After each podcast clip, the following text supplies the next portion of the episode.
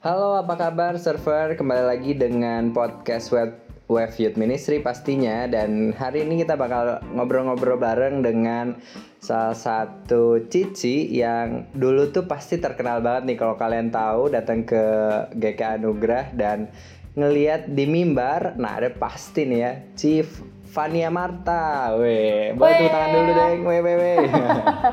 Halo everyone. Nah, WL kondang kita, weh, X, udah lama X, nih nggak ketemu ya, Ci. ya udah lama banget ya, ampun deh. Ini udah berapa bulan ya? Bahkan ke gereja aja jarang banget. Lu gimana tur? Betul, gue sih asik-asik aja ya nikmatin eh, ada di rumah masa-masa ini dan Oh. pastinya gue gue berharap sih teman-teman juga sehat-sehat aja ya. Amin amin amin. Ya betul. Cici sekali, sehat? Ya ya, aku sehat banget. Suaranya masih sehat-sehat aja kan kayak gini kan? Nah, siap, mantap nih Ci. Terus kesibukannya apa nih Ci sekarang? Udah lama nggak ngelihat jadi WL, sekarang ngapain nih? Hmm, iya sih aku harus mengembangkan, mengembangkan, harus mengerjakan tugas negara dulu untuk satu tahun ini gitu ya. Dan hari-hari ini sibuknya sibuk jadi ya masih sama sih ya, masih jadi ibu rumah tangga, masih part timer gitu ya, cari-cari uang jajan, nah kayak gitu ya. Jadi nggak nggak nggak banyak lagi sih, cuman itu doang gitu. Tapi itu aja udah cukup membuat pusing. Betul banget sih ya. Kalau di usia-usia yang kayak kita nih, biasanya hal-hal yang ngeribetin itu adalah pekerjaan, ya nggak sih? Bener bener bener. Eh kamu belum Nah. 30 kali, aku udah. Belum sih. Bentar lagi, Ci. Oh, udah lagi, oke. Iya iya Nah, gimana nih? Tapi nih gini nih, kita mau ngobrolin suatu hal yang menarik sih menurut gua karena dari dulu kalau kita balik flashback gitu ya ke masa muda kita, wah Ci, masa muda. Aku masih muda. Baiklah, masih muda ya. Kita ngomongin tentang percintaan nih. Wah, mantap nggak nih ngomongin percintaan? Oh, percintaan. Nah, kebetulan kan saya masih jomblo nih ya, jadi saya harus berguru sama yang udah berhasil ya. Jadi ini kayak fit in banget gitu ya kayaknya ya. Betul banget. jadi hostnya malam ini ya, baiklah. Tapi bukan saya aja nih, Ci. Ternyata fenomena yang kita temuin nih ya, anak-anak muda sekarang tuh gampang banget deh spread dan ngerasa kesepian kalau belum punya pacar ya. Kalau saya sih enggak ya. Enggak tahu nih teman-teman yang lain ya. Tapi biasanya nih kalau misalnya kita-kita nih para jomblo ngelihat teman-teman kita udah punya pacar gitu ya. Aduh, kayaknya ngerasa diri itu paling lonely gitu ya, paling terhina gitu karena status jomblo gitu. Padahal kan ya mungkin aja belum ada waktunya ya. Tapi Mm-mm. kebanyakan sih uh, anak-anak muda tuh nggak hanya sekedar ya udah nunggu waktunya, tapi sengaja pacaran, sengaja kenal sama orang, padahal dia sendiri uh, nggak punya tujuan gitu, hanya terhindar dari status jomblonya aja gitu. Nah kalau Hmm. Cici punya pengalaman gak nih? Eh, aku maksudnya ngalamin masa-masa gelap gitu gitu ya. Betul ya, Dark nyari pacar ya, tuh aduh, ampun. nyari nyari pacar tuh hanya untuk kesenangan pribadi atau misalnya status gitu biar nggak dianggap jomblo gitu. ya well well well ya sebenarnya aku em, kayaknya munafik kali ya kalau misalnya ngomongin ah nggak pernah kayak gitu sih Eh, rasanya pasti selalu ada momen itu di dalam hidup setiap kita yang mungkin eh, pengen disayang ya geli banget ngomong tapi Tapi itu memang- salah satu kebutuhan ya. Iya, kan memang manusia itu pengen dicintai, bener gak sih? Betul. Nah, karena itu eh, aku pasti bohong banget kalau bilang enggak tuh, aku tuh pure banget deh, beneran deh pacarannya tuh bener-bener buat tahap pernikahan aja. So, aku pasti pernah ngalamin kok kayak gitu. Hmm, menarik nih. Boleh diceritain nggak nih pengalaman pacaran Cici nih ya di masa-masa muda nih? Kira-kira eh, yang paling berkesan tuh gimana sih Ci? Kan kita mungkin butuh sharing-sharing nih supaya kita tuh nggak salah menentukan kalau misalnya kita tuh mau pacaran nih. Eh, Oke oke, aku sharing sedikit lah ya. Boleh. Ada sih masa dalam hidup aku dulu gitu ya, ya masih 20-an gitu lah ya. nah, eh, masih baru cari-cari kerja, sibuk-sibuk kerja pertama kali gitu. Terus udah gitu, ya ternyata di kantor ada yang bening nih gitu. udah gitu, memang bukan gue duluan sih yang apa ya, yang eh, ngajak kenalan. Cie, harga diri banget gue sharing kayak gini. Maksudnya- Gak apa-apa C. tapi maksudnya uh, ya pokoknya dia ngajak kenalan duluan gitu ya ya udah gitu kenalan kenalan kenalan dan ternyata emang ngobrolnya nyambung banget dan dia tuh kayak wah lovely banget lah buat gue gitu maksudnya dia tuh pria yang paling wah ini tuh uh, cocok banget lah di hati gue gitu dan di pikiran gue gitu ya. Dan gue tuh udah sampai pernah terperangkap yang namanya kayaknya ini nih gitu. Kayaknya dia deh ya I will enggak enggak will I would lah ya. Hmm. I would spend my lifetime with him lah gitu sampai kayak gitu ngomongnya. But ya kalau kata Tuhan bukan sih ya ya nggak jadi juga sih bahkan mungkin ini uh, kenangan yang paling ya menyakitkan banget sih. Ya ada mm, tapi enggak sih. Tapi maksudnya kenangan yang bisa dibilang paling memorable banget dan paling affordable affordable. Maksudnya paling mahal gitu yang pernah hmm. uh, gua terima dan gua alami gitu ya. Karena pada akhirnya ternyata kata Tuhan ya bukan dan bukan. Jadi aku nggak bisa paksa dan akhirnya ya udah aku that was the first broken heart for me. gitu. Itu maksudnya broken heart tuh dalam artian gini, bukan berarti broken hmm. heart tuh uh, posisinya kayak gua tuh uh, cuma sama dia doang gitu. Enggak maksudnya putus sama dia doang enggak. Maksudnya ya beberapa ada sih. Mantan. Ini kok kayak lagi jualan ya? Aduh ya ampun. Maksudnya tuh tapi maksudnya yang paling menyakitkan gitu ya, yang paling sedih dan yang paling ya mahal kata gua uh, experience itu tuh ya dia ini gitu. Dan dia tuh yang terkenal sementara yang lain-lain ya gitulah. Gitu gitu sih Tur. Oke nah boleh tahu nggak kalau misalnya dulu tuh pas sama yang tadi tuh ceritanya um, kenapa akhirnya tuh memutuskan untuk pacaran dan ngerasa bahwa kayaknya tuh dia tuh satu-satunya yang bakal jadi nih sama gue sampai nikah gitu. Uh, Oke, okay. waktu itu tuh aku tuh udah sekitar umur 23 tahun ya. Jadi uh, aku pikir kan waktu dulu kan niatnya meritnya nggak sampai tua-tua banget gitu kan. Dulu mah masih muda mikirnya gitu. Jadi kayak masih hmm. ijo gitu kan. Jadi ah yang penting mah udah udah selesai kuliah, udah mau kerja ya saatnya lah untuk cari yang bener-bener sangat serius banget gitu kan. Dan ya udah finally ketemu sama Koko ini gitu. Dari jenjang usia cocok banget ya dari jenjang uh, apa ya pemikiran cara dia memikirkan gue cara gue memikirkan dia cara dia memikirkan keluarganya walaupun mungkin keluarganya bukan ya every family has their own things lah ya maksudnya. Hmm. tapi maksudnya uh, ya dia uh, cukup dewasa gitu ya dalam menghadapi segala sesuatu. Dan dia juga secara finansial ya bukan berarti uh, kaya ya enggak. Kita tuh sama-sama pegawai ngerti kan? Sama-sama pegawai kan? Jadi hmm. bukan dia direkturnya gue pegawainya enggak. Jadi dalam artian finansialnya ya hampir mirip lah gitu ya. Tapi uh, dengan segala sesuatu kecocokan itu tuh oh of course. Dia juga of course dia adalah sayang Tuhan juga gitu ya.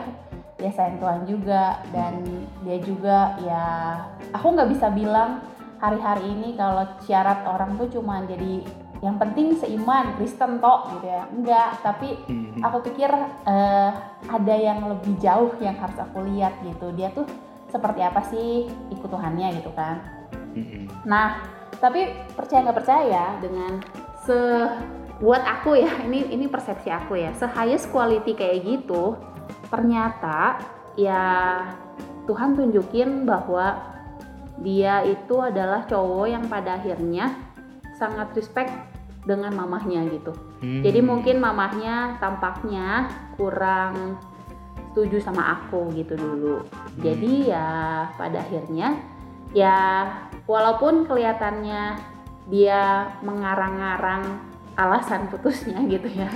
Tapi jauh dalam lubuk hati aku aku tahu dia respect mamahnya banget. Dan dipikir-pikir ya that was a great man gitu. Karena kalau misalnya ada cowok yang pacarannya uh, terus udah gitu alasannya yang sebenarnya A gitu ya tapi dia bilang B gitu. Dalam artian alasannya agak terlalu murahan gitu ya buat gue ya pasti kan pasti kan dalam artian ya ih ngapain gitu ya gue bareng sama lo gitu ya. Ya udah Hmm. aja bodo amat gitu. Tapi karena gue tahu alasan dibalik dia memutuskan gue itu adalah adalah mamanya which is sekarang kayaknya hampir nggak pernah ya gue temuin yang cowoknya yang bener-bener masih respect sama putusan mamanya. Jadi begitu bilang mamanya bilang kayaknya mama nggak bisa nggak setuju atau gimana akhirnya dia ambil tindakan nggak bisa aku sorry nggak bisa ba- jalan bareng sama kamu lagi gitu deh makanya itu mahal banget walaupun aku udah merasa eh gitu dah eh,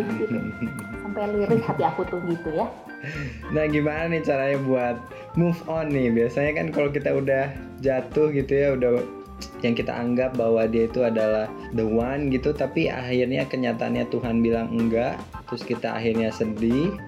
Nah kira-kira gimana nih caranya Civanta tuh untuk bisa kembali menjadi Civanta yang saat ini dan belajar gitu ya dari apa yang sudah dialami gitu.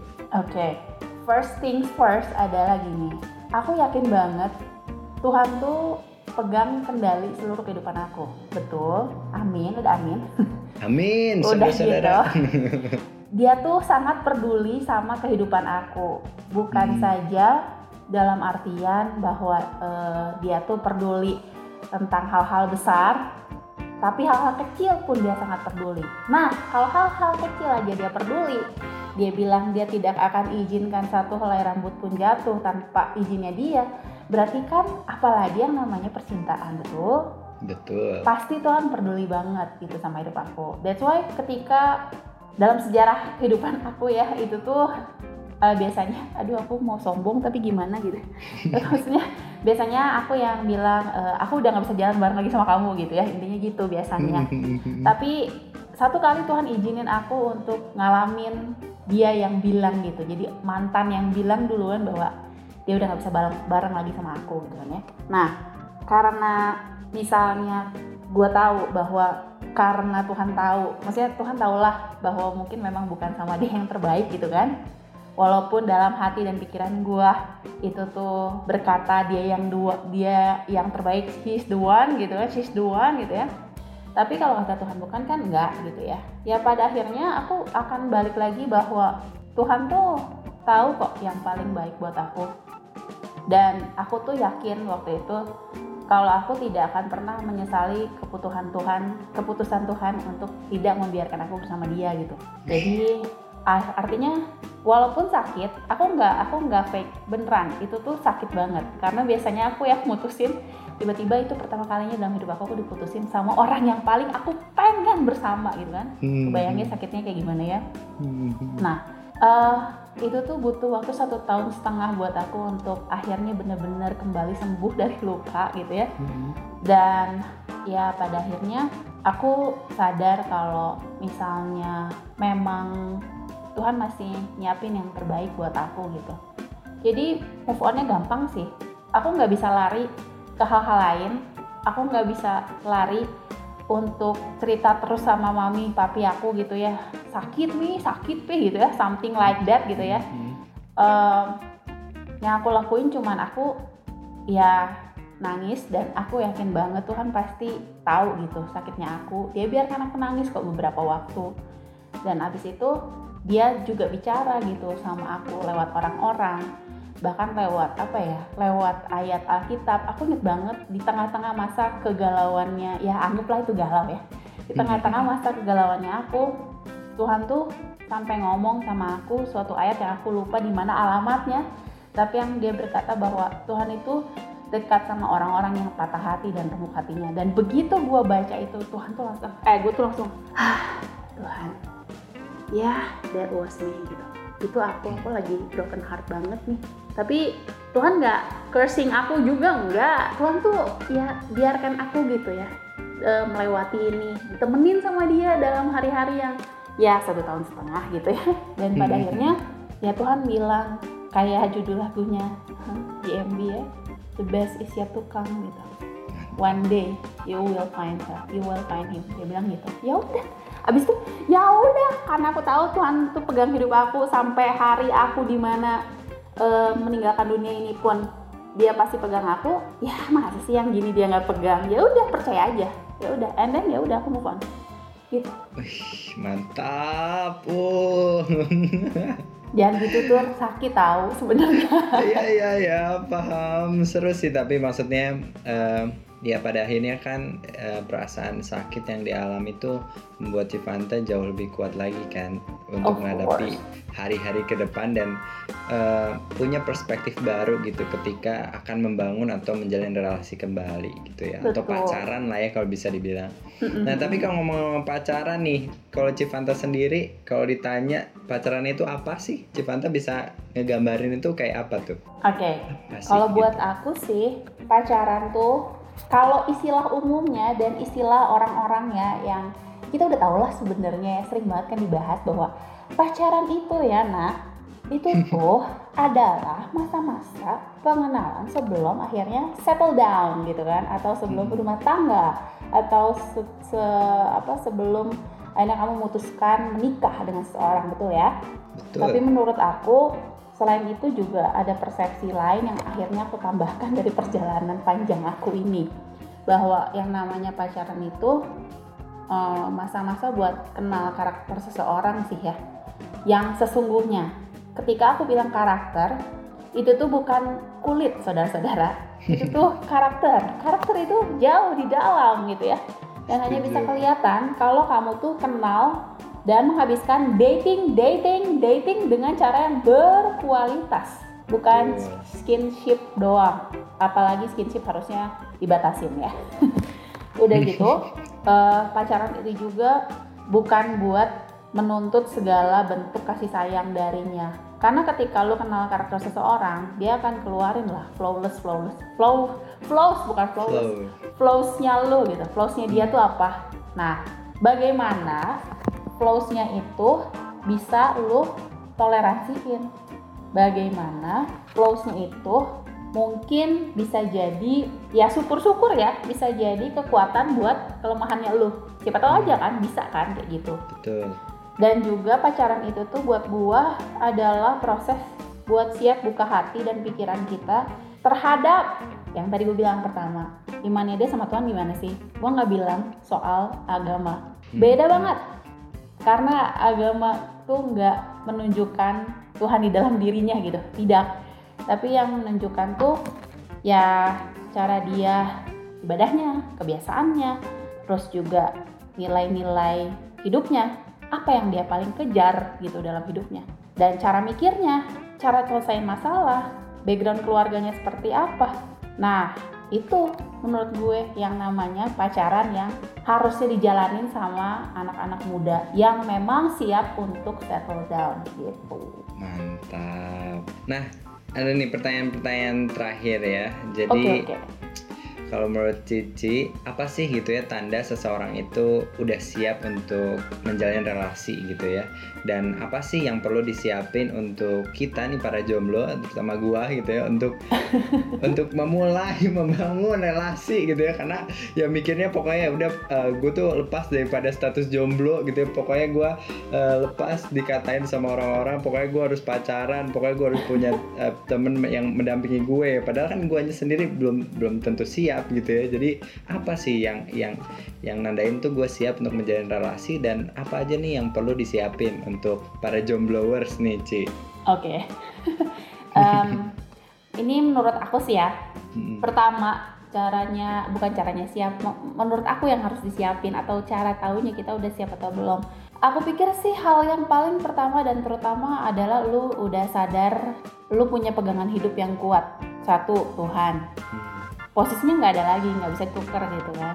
Jadi soalnya kalau nggak ada pegangan hidup lu bayangin kalau fondasi rumah nggak dibangun itu tuh bagaimana dia akan bertahan kalau sewaktu-waktu datang hal yang paling buruk terjadi dalam hidupnya betul.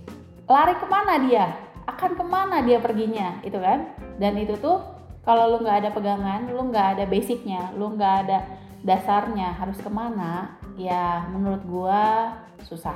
Bahkan buat fondasi ini nggak cuman bilang saat lu mau mulai siap pacaran aja. Ini tuh udah paling basic yang harus lu bangun terlebih dahulu. Itu satu. Kalau fondasi udah bener I know where to go gitu ya ketika ketika badai terjadi. Selanjutnya yang kedua adalah lu sadar karakter lu seperti apa. Menurut gue kalau lu udah tahu bahwa kepribadian gue tuh gini udah gitu tuh memang gue tuh orangnya akan begini terhadap ini gitu ya. Hmm. lu tahu banget detail diri lu seperti apa.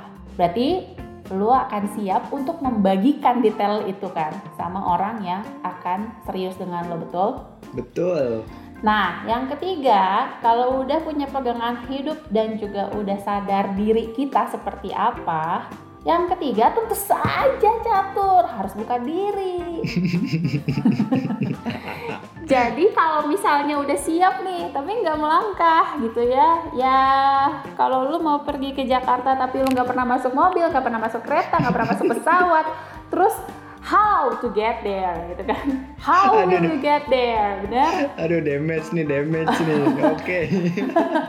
Lu harus buka diri gitu. Lu harus buka hmm. diri ketika lu buka diri berarti dalam satu dan lain hal artinya lu uh, sudah siap dengan seseorang yang memang mungkin biasanya tuh kalau cewek dan cowok tuh ketertarikan biasanya. Ketertarikan ya mungkin kita nggak bisa bohong mungkin datangnya pertama-tama dari fisik gitu ya mungkin. Tapi nggak semua sih dari fisik. Ada juga yang udah lama kenalan pada akhirnya oh iya ya dia baik atau ya gimana gitu ya. Tapi yang jelas ya lu harus open diri lu lah. Bahwa uh, ya aku ini lagi cari. Tapi open nggak berarti sell ya. Karena salon open juga nggak semuanya salon sell bener nggak? Betul. Nah udah gitu kalau udah kemudian tiba-tiba ada seseorang yang memang tampaknya mungkin ya ada yang grezet-grezet gitu ya listrik-listrik gitu ya mulai melanda ya kalau misalnya cuma satu jangan buru-buru pacaran. Menurut gue menurut gue pribadi ya kurang wise untuk lo ketika kenal dari nol tiba-tiba karena dia tampaknya ada ada listriknya dan dia juga ngerasa hal yang sama kemudian kalian bersama-sama gitu ya terus tiba-tiba kalian bersama-sama memutuskan untuk segera ya mari kita kita lakukan kita jadian gitu ya. Nggak juga sih menurut gua menurut gua tuh lu mesti ngobrol banyak dulu sama dia. Lah ngobrol tuh hal yang paling paling cheap yang pernah ada di dunia ini. Membentuk relasi tuh menurut gua nggak susah gitu. Ngobrol aja gitu. Ya dari hati ke hati lah ngobrolin apa. Ya nggak langsung juga cuma maksudnya bertahap lah. So udah itu ya kalau misalnya memang ternyata dia karakternya oke okay, ya gue pasti ngerasa setiap orang pasti ada aja sih permintaannya ya. Maksudnya ada checklistnya gitu. Gue pengen yang lebih putih dari gue misalnya gitu kan. Hmm. gue pengen yang lebih tinggi daripada gue gue pengen yang atletis dan lain-lain. Ya oke okay lah itu nggak apa-apa ya selama lo uh, punya alasan yang khusus dan alasan yang baik. Tapi jangan lupa nomor satunya yang tadi gue udah bilang kan. Hmm. nah satunya imannya dulu sampai apa sampai sejauh apa sama Tuhan itu yang paling penting banget. Karena believe me kalau nggak ada itu susah banget untuk mencapai uh, kebersamaan di kemudian hari. Beneran deh beneran beneran I'm really serious with this gitu. Hmm. dan kalau sudah kalau misalnya ya ternyata udah dicek nih checklistnya semua udah oke okay, ya udah nggak macem-macem juga nggak minta yang paling tajir sedunia juga jangan ya. Udah gitu. Kalau misalnya semuanya udah ya? iya yang realistis dong. Lu lu siapa dia siapa gitu kan. Jangan ya ya ya nggak usah nggak usah dilanjutin ya. Pokoknya realistis ya yeah. udah gitu so udah itu ya udah kalau kalian kira-kira sudah siap udah checklist semua beres semua portal semua dibuka satu-satu selesai gitu ya saatnya lo bisa untuk jalani komitmen lebih yang namanya pacaran tapi jangan lupain kalau lo mau mulai sesuatu ya menurut gue ya siapin diri juga untuk menerima yang mungkin terburuk yang harus terjadi. Jadi kalau lu siap jadian, lu juga harus siap putus menurut gue. Betul. Jangan siap jadian, terus aja dia paling kelihatannya ternyata banyak menyimpan segala sesuatu dan ternyata diteliti lebih lanjut nggak cocok, terus aja gitu ya. Jangan. Kamu sedang menuju ke jurangmu sendiri, nak. Itu. Tetap open eyes dan open mind, bukannya jadi close mind dan bukan jadi uh, istilah anak-anak sekarang apa ya bucin kali ya iya jangan bucin ya uh, uh, interested banget gue sama kebucinan ini sebenarnya pokoknya gitu deh kurang lebih uh, mungkin menurut aku mungkin kayak gitu ya step-stepnya aku bilang keimanan dalam artian bukan berarti lu harus cari seseorang yang sangat perfect gitu ya. Betul. Maksudnya semuanya perfect gitu. Balik lagi realistis. Ya kalau lu nggak perfect, ya lu nggak usah ngarepin deh yang perfect gitu kan. Yang perfect tuh belum di sini waktunya, belum di dunia ini gitu kan. Nah, tapi maksudnya uh, kenapa gue bilang maksudnya sepertinya ketika orang ngomong ini ya pasti deh mungkin ada sebagian besar dari kita yang ngedengerin ya sekarang itu tuh berasa kayak klise lu Ci gitu betul, klise betul, banget mungkin, sih ya. lu. Ya gue tahu harus seiman gitu. Gue tahu nih gue udah Kristen kali pacar gue gitu. Mungkin ya mungkin. Tapi kalau di sini ada yang mungkin yang ngedengerin mungkin ya itu tuh ternyata sudah berumah tangga juga dan kemudian dia dengar gue yakin ada satu dan dua poin satu dua menit dia bakal bilang ya emang sih soalnya kalau enggak kayak gitu ternyata ngadepin yang namanya ya kita ngomongin ini pacarannya serius ya bukan pacaran yang umur belasan lah ya kan? Nah kalau lo serius mau ke jenjang pernikahan itu tuh nggak cukup Kristen doang sih buat gue karena susah banget maksudnya akan sulit banget lo bersama-sama berjalan gitu ya. Karena suami istri itu kan bukan masalahnya suami istri itu ah suami istri nih. Nanti udah gitu punya anak ya udah kelar suami istrinya. Enggak kan? Suami istri itu ada sampai maut memisahkan saudara-saudara. Kalau inget lagi janji nikah itu tuh sampai maut memisahkan. Nah kalau kira-kira dengan orang tersebut yang kekurangannya begini dan jangan pernah ada pikiran bahwa kita bisa merubah dunia ya. Kita bisa merubah dia. Kita jadi superhero dia gak gak gak gak gak gak itu itu itu itu nonsense gitu buat gue satu-satunya yang bisa rubah itu cuman Tuhan. Bagian kita tuh cuma berdoa ngedoain dia supaya dia jadi lebih baik orangnya. Tapi kalau lo bilang lo berpikir bahwa oh ya I will be him eh, his atau her hero gitu ya. No. Udah deh. Marvel aja bentar lagi udahan kan nggak ada tuh superhero terus terusan nggak ada. Episodenya bakal tetap cuma segitu doang atau paling nggak seasonnya berapa gitu kan. Jadi nggak ada. Nggak bakalan ada yang namanya aku bakal bisa bikin dia rubah loh Ci. No. I say this because I had experiences.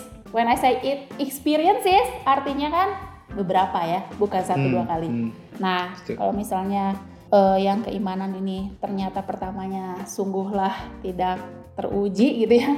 Aduh, aku kasihan sama kehidupan nikahnya nanti. Mungkin dia boleh jadi orang mungkin dia boleh jadi orang yang paling kaya.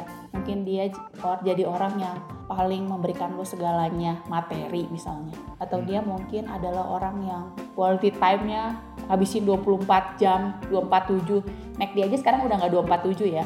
Nah, tapi yang jelas kalau lo sampai kayak gitu gitu ya. Kalau lo sampai ngerasa kayak gitu itu tuh dalam artian berarti lo tetap memaksa gitu ya posisinya. Pokoknya gue mau sama dia walaupun dia ternyata ya tidak seimbang dengan gue ya semua keputusan itu akan selalu ada konsekuensinya. Dan percayalah konsekuensinya itu tidak mudah kalau sampai kalimatnya sampai mau memisahkan gitu. Jadi itu nomor satu. Paling penting bukan klise gitu Nih tepuk tangan sambil sembah-sembah nih gue. Wah luar biasa nih gue dapet pengalaman dengerin cerita dari Cici. Thank you banget sih buat hari ini. thank you thank you banget thank you banget boleh berbagi ya Mudah-mudahan nih yang denger kali ini web eh, ministry di mana pun kalian berada kalian bisa belajar banyak dan kalian juga lebih berhati-hati nih ya ketika kalian mau melangkah ke jenjang menjalin relasi yang serius bukan hanya sekedar pacaran-pacaran ABG-ABG yang ngebucin tapi jauh lebih serius lagi. Harus punya pegangan nilai-nilai yang tadi udah kita sampaikan nih sama Civanta. Wah Yes. luar biasa. Sip Eh. thank you sip. Thank you ya Hari ini kita belajar banyak dan thank you juga buat server yang udah dengerin kita. Semoga bermanfaat dan sampai ketemu lagi di podcast-podcast berikutnya. Thank you. bye bye Bye.